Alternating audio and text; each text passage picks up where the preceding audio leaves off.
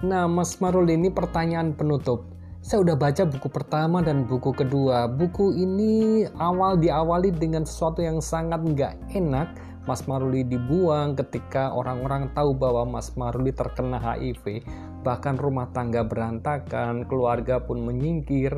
Gitu sampai kemudian muncul buku ini dan buku kedua saya pengen tahu apa misi dari Mas Maruli dan berapa banyak orang yang bisa Mas jangkau dengan dengan menerbitkan buku ini.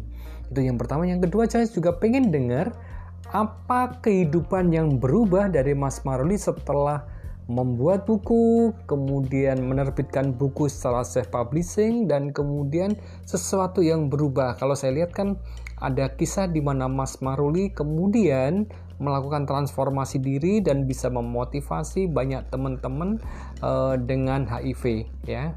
Bisa cerita Mas Maruli?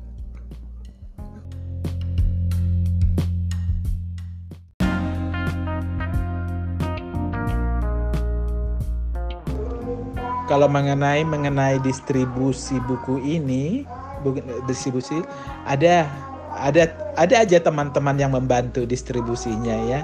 Baik di Jawa Timur di Jawa Tengah di Jawa Barat terus di Jakarta gitu ya. Ada teman-teman yang karena pembaca jujur pembaca buku saya ini uh, terutama di daerah Jawa Sumatera Kalimantan dan uh, sampai ke Bali ya itu dan seluruh Indonesia tapi terutamanya yang dari Jawa Jawa terutama ya.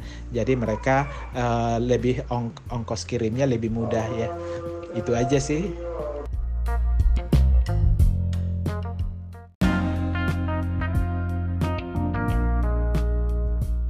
Iya, uh, yang terutama yang saya syukuri ya dalam penulis buku ini adalah dampak dampaknya di dalam kehidupan saya sebetulnya juga saya menulis ini bukan mau mencari apa ya mencari uang gitu ya sebetulnya ya dasar saya. Tapi yang paling berdampak dalam hidup saya adalah terutama dengan kesehatan saya.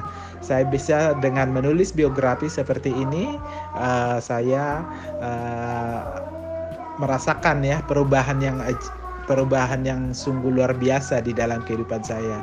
Karena uh, dengan menulis biografi seperti ini, saya untuk untuk berbicara sejujur-jujurnya. Jadi memang itulah itulah uh, mungkin kelebihan daripada buku ini ya. Jadi jadi buku ini jadi buku ini saya tulis memang benar-benar ini kisah nyata pribadi saya ya pribadi saya. Jadi saya nggak ada nggak ada yang saya tutupi sama sekali dalam ini.